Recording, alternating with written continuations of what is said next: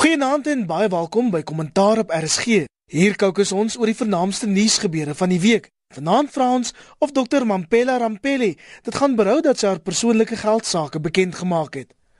Ons praat oor die politieke magstryd oor die bendeoorlog in die Kaap. Ons vra wat het vir die Afrikanerbond skeef geloop? En ons kookus oor nuwe verwikkelinge in die Sentraal-Afrikaanse Republiek en die Tlokwe Stadsraad.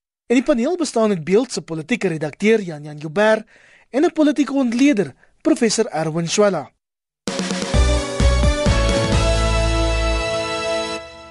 Een van die vernaamste nuusgebeure die week was die agangleier Dr Mampela Rampele se bekendmaking van haar persoonlike geldsaake. Haar netto waarde is 55 miljoen rand en dit sluit die waarde van aandele, haar pensioen en eiendomme en grond in. Professor Dr Ampel het gehoop om politieke munt hieruit te slaan, maar sy het geweldig baie kritiek ontvang en dit uit verskeie oorde. Mense moet nou aanvaar dat hier is 'n poging om die agang agenda op die tafel te kry. Agang het hulle self geposisioneer en spesifiek onder leiding van uh, professor Mamfela Ramfele as 'n party wat 'n verandering wil bring rondom goeie regering die morele aspekte van regering, oop regering, deursigtige regering en dit maak dus sin dat sy hierdie poging sal aanwend. Dit is natuurlik nie dit vind nie plaas sonder politieke motiewe nie. Dit is sodat uh, daar baie vrae is oor president Jacob Zuma se uh, geldsaake en oor die openheid daarvan en wat alles dalk daar weggesteek is. So daar's twee dimensies hier ten minste en dit is naamlik in die eerste plek dat Agang se agenda is om 'n nuwe politieke moraliteit te probeer vestig wat spesifiek in kontras staan tot die ANC se politieke moraliteit soos hulle dit sien. En dan tweedens is dit ook sodat Dr. Ramfelle natuurlik ook stemme wil werf op hierdie manier. Dan kom sy egter met 'n stelling wat sê dat sy 55 miljoen rand sterk is, wat heel wat sterker is as die ondersteuners wie sy uh, probeer werf as ondersteuners. En dit skep natuurlik ook tot die indruk van waar het al hierdie geld vandaan gekom. Ek moet sê sy lê 'n 'n besondere eerlikheid aan die dag en ek het daarvoor groot respek en waardering as sy sê dat sy self iemand was wat gebaat het by die voordele van breë swart ekonomiese bemagtiging. So dis interessant om dit dop te hou. Die uitdaging is natuurlik ook uh, om uh, vir president Zuma te probeer kry om sy sake bloot te lê, maar meneer Maraj met sy uh, gewone uh, spitsvondige kundigheid sê dan ja, maar hy lê dit elke jaar bloot in die parlement. Maar mense sien maar bitter min van daai blootlegging en 'n mens sal maar moet kyk hoe die ding verder gevoer word. Marianne en Dr. Mpele is gekant teen swart ekonomiese bemagtiging. Ons weet dit want sy spreek haarself gereeld daarteen uit. Sy het dit al beskryf as 'n mislukte beleid. Maar nou weet ons ook meer as 'n derde van haar rykdom is van juis sulke transaksies. Praat sy nie bietjie twee tong nie? Sy ken dit seker goed as sy daarbey gebaat het, nê. Nee. So miskien kan sy kritiek lewer uit die binnekring, ek weet nie. Ehm um, daar was ook 'n taamlike bitsige Twitter gesprek aan die gang rondom gaan sy nou die geld teruggee as sy dit dan dink dis verkeerd bekom, jy weet.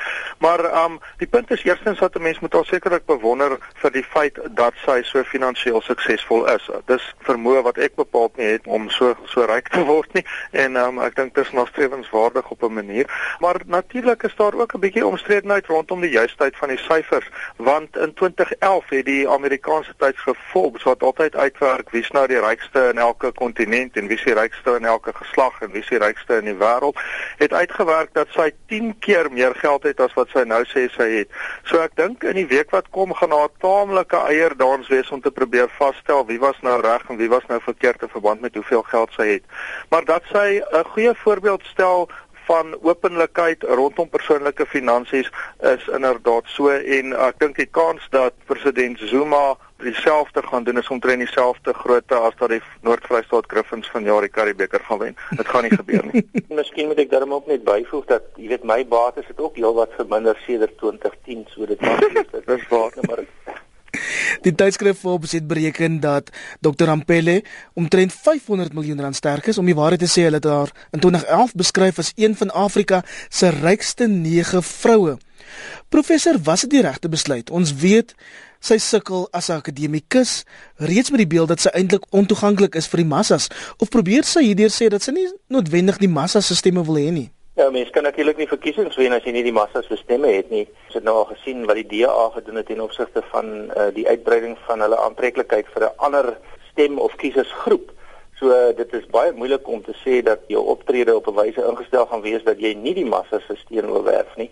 Ek dink dit was miskien 'n politieke strategie. Onthou in die in die aanloop tot verkiesings is daar politieke strategie en taktiek wat aanvanklik aantreklik gelyk het om te sê kom ons kyk of ons bietjie die kas kan skud om uh, te kyk wat sê die die die teenstanders, die belangrike teenstanders, uh, die ANC teen opsigte van meneer Zuma se finansiële sake.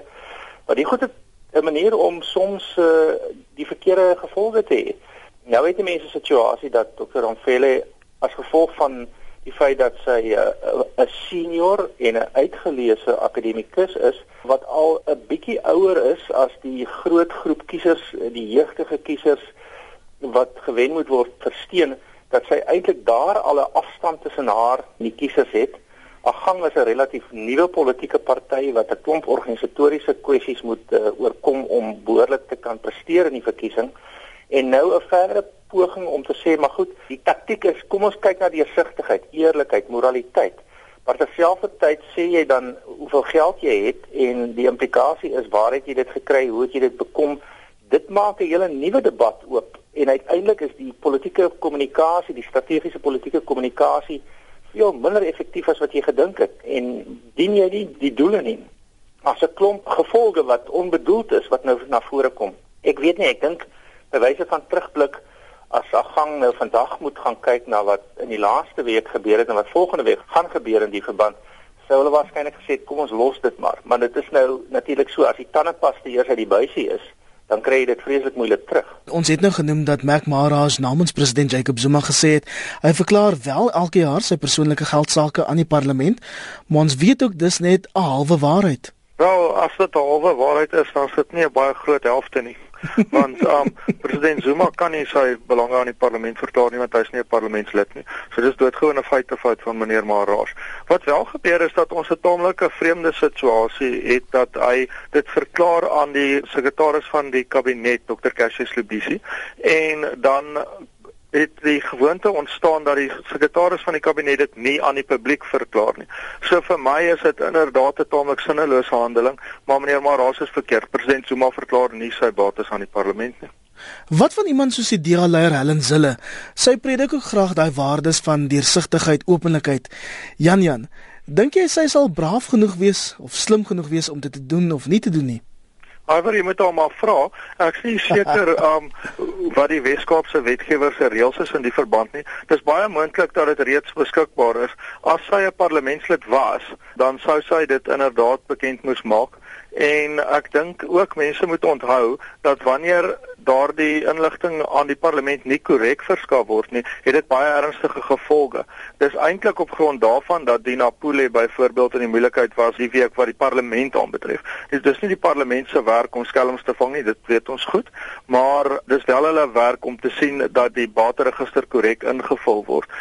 So ons weet eintlik redelik goed wat aangaan in of miskien eintlik baie goed wat aangaan in die finansiële situasies van al die ander partyleiers wat in die parlement is wat mevrou Zille aanbetref is ek nie seker wat die Wes-Kaapse wetgewer se reëls is nie, maar ek seker as mense al vra sal jy baie reguit antwoord kry. En dan is daar die kwessie van politieke partye se geldsaake. Professor, is dit nie tyd dat ons politieke partye begin oopkaarte speel oor waar hulle geld nou vandaan kom nie? Nou dis 'n debat iwer wat uh, in alle demokratieë van die wêreld gevoer word en in sommige demokratieë is daar al veel verder gevorder op die pad van blootlegging van politieke partye se befondsing en hulle befondsingsbronne. Natuurlik het dit te maak met die uh, invloed wat so verkry word. En ons weet mos nou dat as goed in die geheim gedoen word, dan skep dit die geleentheid vir allerlei perverse insentiewe om te verseker dat gevolg van jou skenkings aan die politieke party jy bepaalde invloed kry en dit lei tot die toekenning van kontrakte en tenders. So dit het 'n saadjie van korrupsie of 'n groot saad van korrupsie reeds in dit ingebou. In Suid-Afrika was daar inderdaad al 'n groot debat oor oor hierdie proses. Ek weet dat Dr. van Saint Slabbert in die DASA in die tyd toe die DASA nog bestaan het, groot gewag gemaak het van die feit dat daar behoort bekendmaking te wees van politieke partye se bronne en spesifiek in Suid-Afrika nog meer so as in in die ander demokratieë dat dit hier tot 'n minder mate natuurlik nou al beleid of wetgewing is wat dit bepaal het ons in Suid-Afrika soveel voorbeelde van aanduidings van hoe hierdie goed misbruik word. Ons weet van groot hoeveelhede geld wat uit staatsondernemings Petro SA vloei na politieke partye, groot hoeveelhede geld wat uit privaat uh, hande vloei van af mense wat miskien vroeër vroeër die voordele van swart ekonomiese bemagtiging gehad het en selfs mense wat dit nie gehad het nie om voordele te verkry. So in beginsel sal dit baie goed wees as ons veel meer duidelikheid kan kry oor hoe die fondse vloei en wie betaal vir wie en wie kry watter voordele. Maar weer eens, ek dink ons het 'n kleinerige kans indien enige om dit in hierdie omstandighede te kry want dit gaan 'n groot klomp verleentheid veroorsaak. Daar is uit die aard van die saak geen twyfel dat daar hier al invloed gekoop is nie en daarom is daar 'n groot insentief om dit geheim te hou. Maar ek sou eintlik daardie ander kant van die saak wil stel as ek kon. En dit is die volgende: dat daar is baie mense wat uit oortuiging geld bydra tot politieke partye en dit was tot politieke partye wat nooit die mag gaan bekom nie. Ek gaan nou nie politieke partye hierso sit en beledig deur hulle deur hulle te lys nie, maar die oorgrootste meerderheid politieke partye in Suid-Afrika gaan nooit die regeringsmag sien nie, nie eers amper nie. So Ek dink die gevaar van victimisering van mense wat spesifiek geld gee aan oppositiepartye is baie baie groot in Suid-Afrika. So ek dink daardie mense wat uit oortuiging geld wil bydra aan politieke partye moet dit kan doen. En daar is ook mense wat dit aan die ANC gee uit oortuiging daarvan het ek geen twyfel nie. Maar ek dink wat wel moet gebeur is dat daar regulering moet wees dat sê nou maar enige skenking van meer as R50 000 'n jaar moet verklaar word sodat 'n individu of 'n instansie nie meer as R50 000 'n jaar kan gee aan 'n politieke party of enige ander bedrag, dan moet net 'n bedrag wees sonder dat dit gerapporteer word nie. Want die probleem is nie dat mense geld bydra tot politieke partye nie. Politieke partye het verskriklik baie geld nodig om te kan funksioneer. Dis 'n duur storie. En in die demokrasie moet politieke partye kan funksioneer. Maar daar's 'n lyn wat getrek word wanneer mense inderdaad invloed koop en ek dink daardie lyn moet baie hard getrek word. Iwer, ek dink ons het hier te maak met uh, wat 'n mens die morele dubbelsinnigheid van uh, openbare keuses kan noem. In die sin dat daar is, soos Jan Jan tereg sê, baie goeie redes in terme van die politieke naaiwer, die politieke aggressie om mense ook die geleentheid te gee om vir 'n saak waarna hulle glo geld te kan gee sonder dat hulle daarvoor geviktimiseer sal word. Ons weet mos nou hier speel mag 'n belangrike rol en mag korrupteer. Eh, terselfdertyd sit 'n mens net hier met die dubbelsinnigheid dat uh, en en Jan Jan maak die onderskeiding heeltemal korrek dat daar wel dan gevalle is uh, waar die die geld gegee word vir die verkeerde doeleindes en met die verkeerde motiewe. En die vraag is en dit word dan 'n moeilike beleidsbesluit. Uh, dit is tipiese situasie waar jy twee stelle oorwegings te mekaar moet afspeel en probeer om 'n soort kompromis of 'n of 'n tussenweg te vind om albei stelle belange te dien. Die groot kwessie hier is natuurlik dat dit nog veel moeiliker is vir die kleiner politieke partye met geen kans op die verwerwing van mag of kleiner kans op die verwerwing van mag om befondsing te kry omdat hulle eintlik nie enige voordele kan deurgee nie. So hulle hulle het wel 'n belang om hulle skenkers te beskerm, maar die groot belang sit in die in die korrupte magsverhoudinge. Ons bly by die politiek en ons beweeg nou na die Wes-Kaap waar die premier Helen Zille weer die week koppe gestamp het met die minister van polisie Nathi Mtetwa en dit oor die hantering van bende geweld op die Kaapse vlakte. Die burger het dit as 'n magstryd bestempel en dit omdat Mtetwa weier om president Zuma te vra om die weermag in te stuur of om sy spesialis eenhede vir bendes en dwelms in te stel. Nou Jan Jan, jy loop 'n redelike lang pad met die Wes-Kaapse politiek. Is dit werklike magstryd of is die hantering van bendes eenvoudig net nie deel van die weermag se mandaat nie. Ek dink dit is 'n magstryd en ek dink die ANC se posisie hier is moreel van die mees bedenklike wat ek kan bedink. Minister Mtetwa het 'n media konferensie hier by die parlement toegespreek oor hierdie onderwerp in hierdie week waarby ek teenwoordig was. En sy hoofpunt was Hoekom wil die Wes-Kaapse regering net die weermag en ekstra polisie hê vir die bende getuieerde gebiede en nie vir byvoorbeeld Langa Township wat verskriklike hoë misdaadsyfer het nie? En ek het gedink ag werklik, jy weet, eerstens, ek dink nie die Wes-Kaapse regering sal enigsins nee sê vir hulp in Langa nie. Glad nie. Maar 'n mens moet wonder waarom as jy sulke gelokaliseerde probleme met soveel families wat uitmekaar geruk word, kinders wat sterf, skole wat toemaak, het. Hoekom sal jy as nasionale regering nie jou beste wil gee nie? Hoekom kan ons 1300 troepe stuur na die Kongo? Maar ons kan nie 300 troepe stuur na ons eie mense wat doodgemaak word nie. Ek vir een dink die ANC regering op hierdie punt se moraliteit is bedenklik.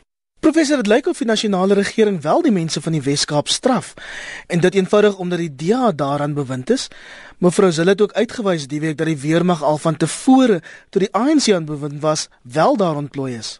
Daar is versekerde konflik, eh, eh, spanning en 'n mens kry dit in verskillende kontekste tussen die Wes-Kaap regering en die nasionale regering, nie net oor polisieering nie, maar spesifiek oor polisieering ook definitief in verskillende opsette waar ek betrokke is ook en ek werk redelik nou saam met beide die nasionale en die provinsiale regering ten opsigte van kennisprojekte en so voort. Vind 'n mens dikwels die uitspraak dat 'n mens versigtig moet wees dat jy eintlik die, die Weskaap te goed moet laat lyk nie want die nasionale regering vind dit 'n bietjie ongemaklik. Nou Ons moet natuurlik ook aanvaar dat hier is 'n groot stuk polisieeringskwessies hier behalwe vir die politieke kwessies. Dit is sodat hierdie stryd tussen die Wes-Kaap regering en die nasionale regering oor polisieering het nie net 'n uh, impak rondom rondom bende geweld nie. Om die waarheid te sê, uh, Jan Jan, uh, mense kan ook verwys na die feit dat die polisieering in Khayelitsha so swak is ja. dat die Wes-Kaapse regering 'n uh, kommissie probeer aanstel om dit te ondersoek om dit daar te verbeter. So daar het jy Khayelitsha teenoor Langa en uh, dan kan mense na Mannenberg ook nog gaan kyk. Dit gaan daaroor dat die Wes-Kaapse regering uh, oor 'n lang periode probeer om hulle oorsigrol as die provinsiale regering wat wel in die grondwet ingeskryf is uit te oefen. Onder andere het hulle ook 'n uh, veiligheid en sekuriteitswet gemaak om 'n groter oorsigrol te kry en op elke punt is daar hier konflik. Dit begin natuurlik oor ernstige kommer oor die kwaliteit van polisieering. Polisieering in Suid-Afrika is ongelukkig meer polities as professioneel. Uh, ek het onlangs 'n akademiese artikel geskryf oor swak publieke leierskap of slegte publieke leierskap in Suid-Afrika en ek kon gelukkig die voorbeeld in die akademiese artikel gebruik van meneer Jackie Celebi. Nou die politieke aanstellings in die polisie, die manier waarop aanwending van mag plaasvind, die die hele uh, Mdluli sage. Polisie het ongelukkig verpolitiseer en is nie meer professioneel nie. Dit maak nie 'n verskil daaraan dat daar wel politieke motiewe ook is nie. Daar's 'n verkiesing aan die kom. Mense wil aanneem dat uh, mense soos meneer JP Smith sy uh, politieke agenda en ook mevrou Zille, hulle is politici, wil bevorder deur polisieeringskwessies ook aan te spreek. Maar hier is 'n werklike probleem.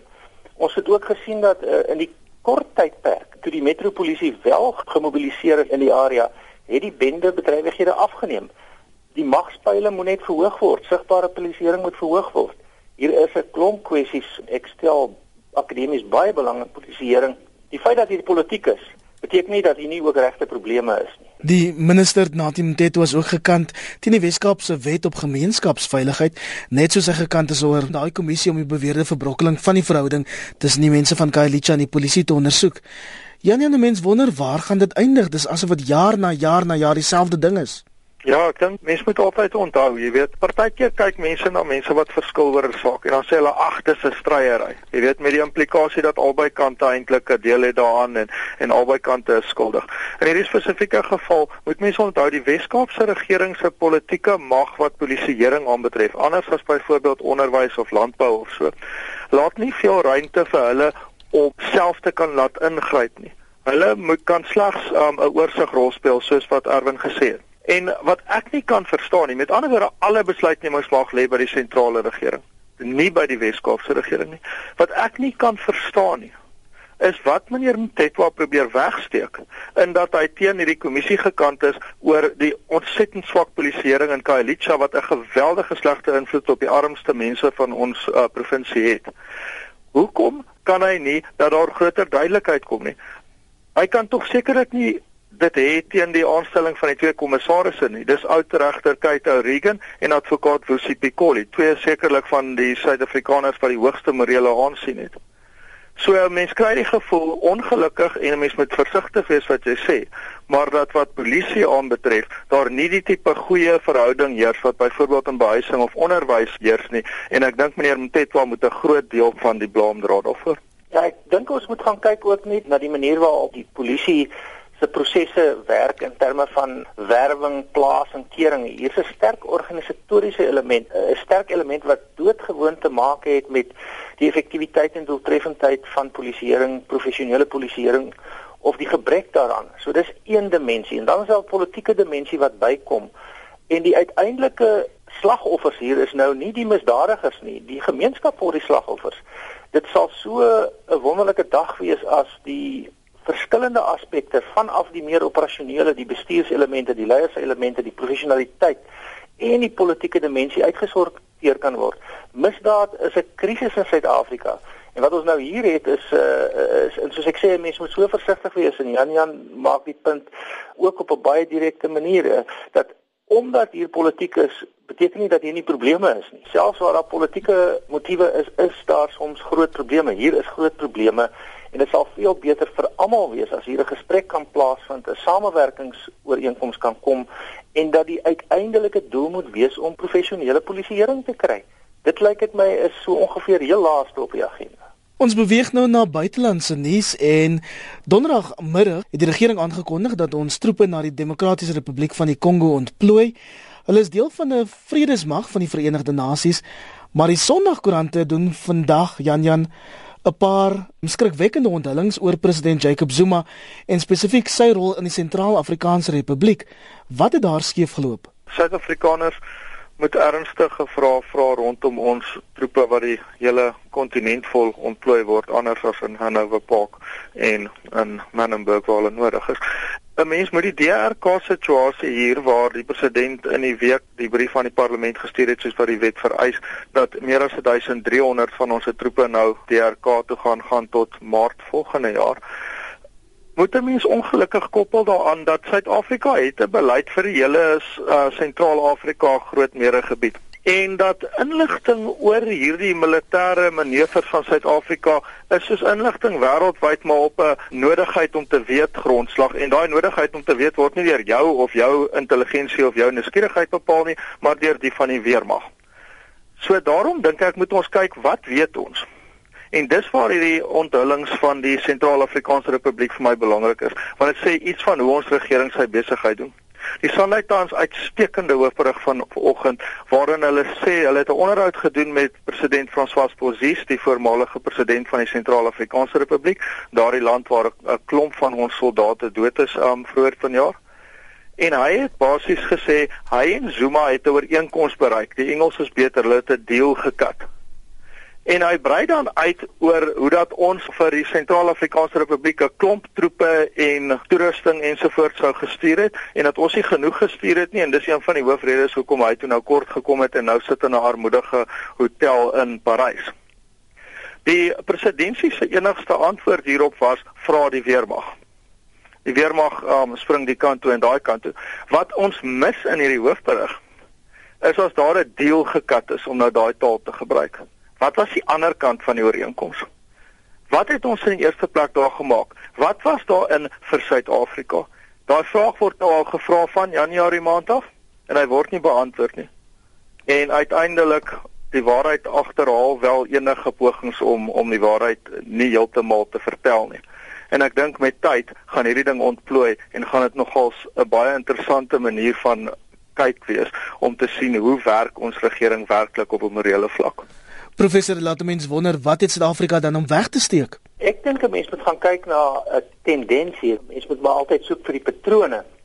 En die patrone wat 'n mens eintlik ten opsigte van regering in Suid-Afrika en Suid-Afrika se beleide sien is 'n oënskynlike, 'n skynbare voortdurende vervlegting van persoonlike en politieke kwessies met nasionale belang. Dis asof dit verskriklik moeilik is om te onderskei tussen waar begin die persoonlike belang en waar eindig die politieke uh, belang? Dit is natuurlik so dat Suid-Afrika 'n uh, besondere rol in Afrika wil speel. Ons het 'n uh, dis 'n 'n internasionale politieke en 'n Afrika politieke agenda. En dan is dit natuurlik ook beter as mense die agenda speel deur die georganiseerde liggame, die instellings van Afrika, die Afrika Unie, die Verenigde Nasies, En dit is goed. En as dit behoorlik gedoen word, dan vervul dit die rol om vrede en uh reg en geregtigheid in sy in Afrika te vestig wat in ons almal se belang is. Maar dit lyk my onder al hierdie omstandighede kan jy net so twee skille van die ui verder afdop en dan kom jy by 'n kern uit waar daar 'n poging is om een of ander vorm van sakebelange, persoonlike belange, privaat belange te koppel aan hierdie inisiatiewe as ons in verder aanvaar dat Afrika onstabiel is in baie plekke, Die Demokratiese Republiek van die Kongo is kan 'n mens amper ironies sê is nog demokraties nog 'n republiek nog die Kongo. Ehm um, en en en en daar is groot dilemma's, daar's daar's daar's etniese kwessies. Onmiddellik het jy dan 'n vervlegting van 'n veelvuldigheid van belange en dit loop nie mekaar en iewers onderliggend is daar iemand wat lyk dit my dan sit en kyk of ons 'n politieke voordeel kan omskep in 'n ekonomiese voordeel. Ons het hier 'n situasie waar ons nou volgens die president se erkenning 402 miljoen rand gaan spandeer. Dis hierdie berekening, ons weet hierdie goed gaan eskaleer. 1345 lede van die weermag ontplooi in 'n area wat uh, onstabiel is. Uh, verlede jaar het 'n groot gedeelte van die Demokratiese Republiek van die Kongo se weermag oorgeloop na die rebelle toe. Ek voorsien maar groot probleme hier. Ek hoop ons intelligensie hierdie keer is goed. Ek hoop ons het geleer uit ons ons probleme ten minste op die taktiese en operasionele vlak en strategiese vlak wat die weermag betref, dat ons inligting goed is, dat ons toerusting reg is, dat ons ondersteuningsdienste reg is. Anders te kom hier 'n kwessie wat veel meer gaan kos as 402 miljoen en 'n hele aantal menselewens. Die eerste kontak het plaasgevind. Weereens die weermag ontken dit nog op hierdie stadium maar die Suid-Afrikaanse Nasionale Weermag Unie sê hulle hulle het kennis geneem van kontak in die area, daar's al soldate beseer ons moet 'n rol speel in Afrika, maar ons moet 'n rol speel wat ons moraliteit en ons integriteit vestig om in Afrika 'n positiewe verskil te maak. Janjan, ek het die idee dat die regering hierdie ding die week gaan toesmeer. Ek kan nie sien hoe dit anders gaan uitspeel nie. Wel, ek het 'n uh, idee, jy's reg dat hulle gaan probeer. Ek het voorste idee dat hulle op die dier nie gaan slaag nie. En wat ek nie kan verstaan nie is waarom dit dan nou nodig is om nie die waarheid te praat nie. Waarom byvoorbeeld in Desember en Januarie maand toe hierdie dinge waaroor die Sunday Times vanoggend skryf rondom Bossies en sy afsetting gebeur het. Waarom is sulke belangrike detail deur ons regering verswyg? Waarom is ons nie vertel dat Bosie self in Pretoria was om vir Zuma te kom smeek om vir hom nog van ons soldate en toerusting te stuur nie. Waarom is ons nie vertel dat 2 weke tevore sy seun hier was met min of meer dieselfde versoek toe hierdie deal sogenaamd gekat is nie? Waarom word ons nie behoorlik op hoogte gebring as daar kontak in die DRK is nie? Kontak beteken mense kry seer of gaan dood. En is ons mense daai? Ek kan nie verstaan hoe ons regering eerstens net gewoon nie die waarheid kan praat nie en tweedens dink dat hy daarmee gaan wegkom in hierdie dag en tyd. Ons is nie meer in 1975 nie. Jy weet daar's daarom beter vloei van inligting en mense het 'n bietjie meer sinies geword rondom regerings. Dis jammer dat ons regering nie 'n bietjie harder probeer om daai sinisme teen te werk nie, want daai goed gaan in elk geval uitkom. As jy dalk laatmens ingeskakel het, jy luister na 'n kommentaar op RSG.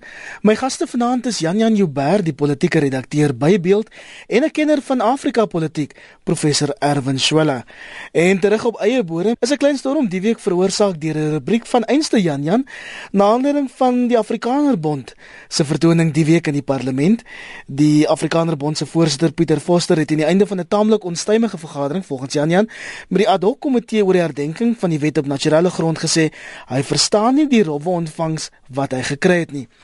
Jan Jan, gee vir ons vinnig 'n bietjie agtergrond oor hierdie storie. Ja, die ad hoc komitee oor die herdenking van die 1913 naturele grondwet is 'n komitee wat basies gaan voorstelle doen rondom um, hoe grondhervorming kan meer effektief wees ensovoort. So die Afrikaner Bond het sy inset kom lewer vroeg in die week en dit het, het nie verskriklik positief afgeloop nie. Ek wil eerlikwaar sê dat wat ek in die beregering het mis mens mag geskryf wat gebeur het en ek dink nie dit word deur enige iemand op hierdie stadium bestry nie. En wat ek in die rubriek probeer doen het Vrydag in beeld was om die dinamika te probeer verduidelik minstens hoe ek dit ervaar het. Die goed is ingewikkeld. Dit gaan oor hoe praat ons met mekaar? Dit gaan oor die verlede, die hede en die toekoms en hoe die drie skakel. En wat gebeur het is die Afrikaner Bond het 'n uh, voorlegging gemaak wat eerstens 'n historiese oorsig oor die grondkwessie gegee het tweedens dan nou uh, kritiek gelewer het op die huidige bestel en derdens 'n paar voorstelle gemaak het oor die toekoms soos mens kan verwag. Die historiese perspektief was die eerste probleem vir baie van die toehoorders en ek sê nie hiermee enigiemand is reg of verkeerd nie.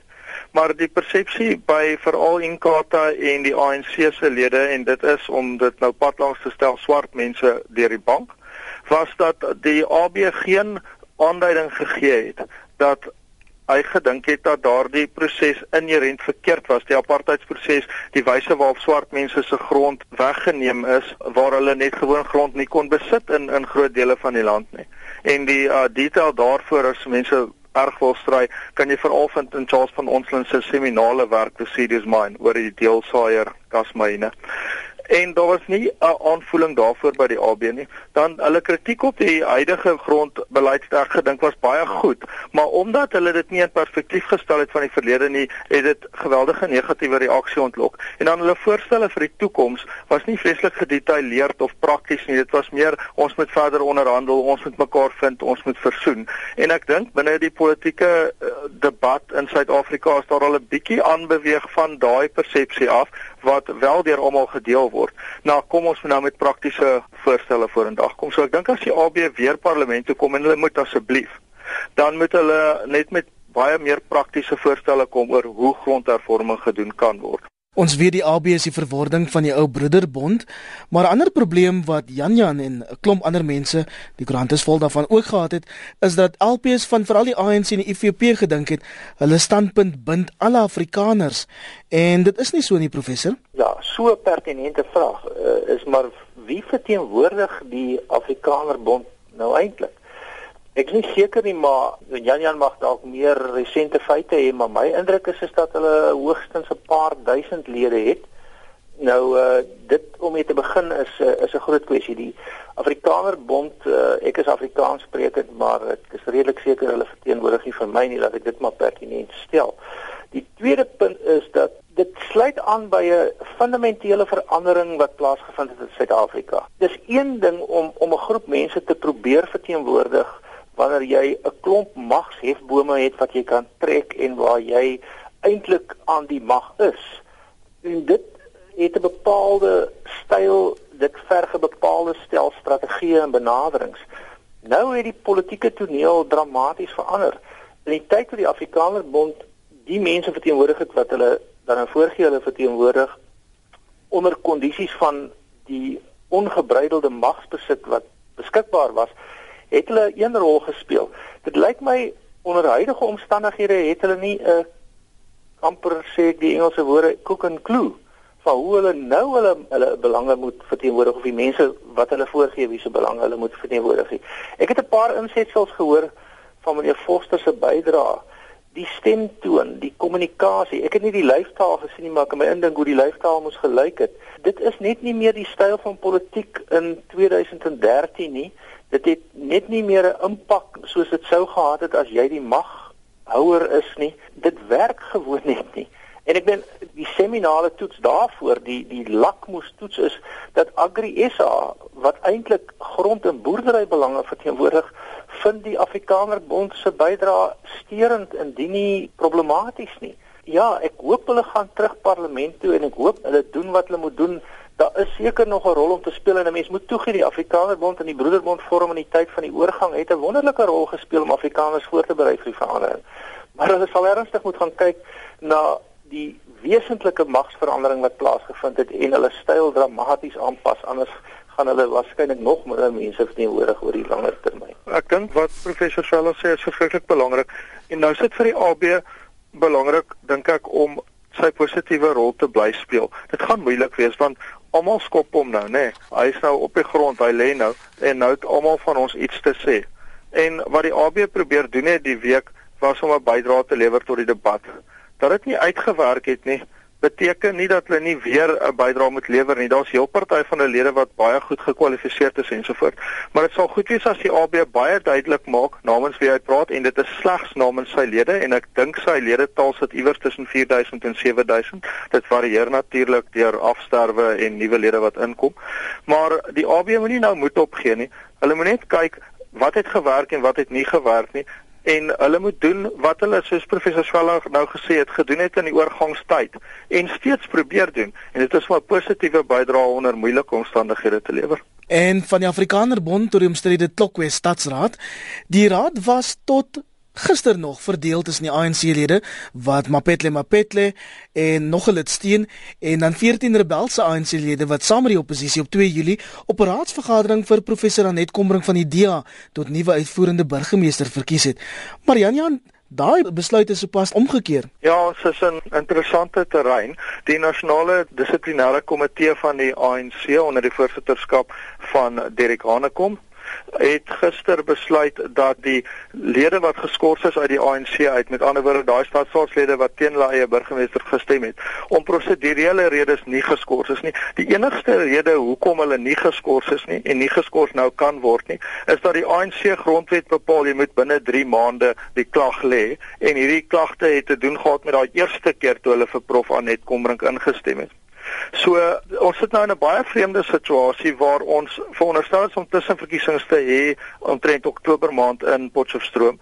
En nou het die rede vir die uitroep van daardie tussenverkiesings verval want die rede die amptelike rede volgens die verkiesingskommissie is gewees dat die staatsraadslede het hulle lidmaatskap van hulle party verloor en daarom is hulle wyke vakant.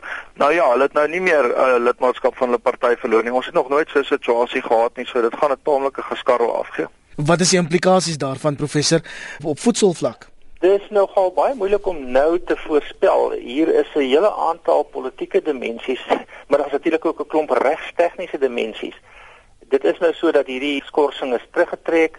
Dit beteken dat die lidmaatskap waarskynlik herstel word en mense moet nou gaan kyk na die implikasies vir die posisies binne die raad self. Dan natuurlik weet ons nou dat hierdie 14 lede het het ook nog 'n klomp kwessies die kwessies rondom die klagtes wat hulle aanvanklik gehad het ten opsigte van die bestuur van Klokwe deur die burgemeester het mos nou nie verdwyn nie. So uh, die dinamika hier is 'n stuk dinamika wat te maak het met keuses van mense met mense wat besluite moet neem en dit word natuurlik ook beïnvloed deur die regstegniese aspekte wat hier bekyk moet word. Dit wil voorkom asof hierdie krisis van die deur rondtes gevoer word. Meneer kom wat interessante rolle speel as die voorsitter van die nasionale dissiplinêre komitee. Ons weet dat hy natuurlik ook ernstig gekritiseer was vir die manier waarop hy destyds met meneer Malema se tugsake omgegaan het. Maar hy het nou 'n besluit geneem en die besluit is waarskynlik gebaseer op 'n oorwoë mening, maar die vraag is wat is die implikasies vir die party? Uh, wat is die grondwetlike implikasies? Wat is die impak op op die magsamestelling in Klokwe? Wat gaan die mense doen? Dit is op hierdie stadium net nog te vroeg. Die dinamika moet nog ontwikkel. Die pot is aan die kook, die wyn gis en ons sal moet kyk hoe dit in die volgende week ontwikkel. En 'n mens kan ook net wonder wat die onafhanklike verkiesingskommissie hiervan gaan maak, Jan Jan. Kyk, die besluit oor of daar nog tussen verkiesings moet wees, gaan uiteindelik by hulle berus en ons het nog nooit so 'n situasie gehad waar die party beslis dat die opsegging van lidmaatskap verkeerd was nie. Met ander woorde, hulle sal sê die opsegging van lidmaatskap het dus nooit plaasgevind nie, nee, want dit was 'n verkeerdelike opsegging van lidmaatskap, so die redes vir die tussenverkiesing berus dus ook op 'n fout. So dit is hoekom ek dink daar's 'n saak voor uit te maak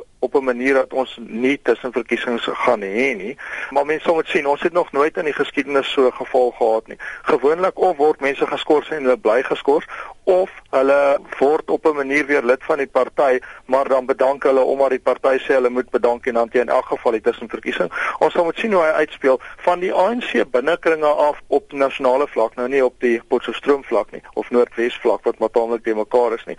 Maar op nasionale vlak word geglo dat daar wel 'n versoening moontlik is en dat die nasionale werkkomitee van die ANC sal kyk na die redes vir die plaaslike politieke probleme binne die ANC in Potchefstroom en dat daar wel 'n oplossing gevind sal word. Dis natuurlik edel van die ANC aan die een kant, aan die ander kant weet hulle as daai tussenverkiesings gebeur en daardie mense wat hulle geskort het wen as onafhanklike kandidaate, dan gaan hulle nie meer die mag hê in Potchefstroom nie. So dis maar 'n klein stukkie eie belang ook. En dit bring ons tot by die einde van kommentaar hier op RSG. Baie dankie aan my gaste, Jan Jan Joubert, die politieke redakteur by Beeld. Baie dankie Iwer, dit was lekker. En 'n kenner van Afrika politiek, professor Erwin Swela. Dankie Iwer. My naam is Iwer Price, lekker aan verder.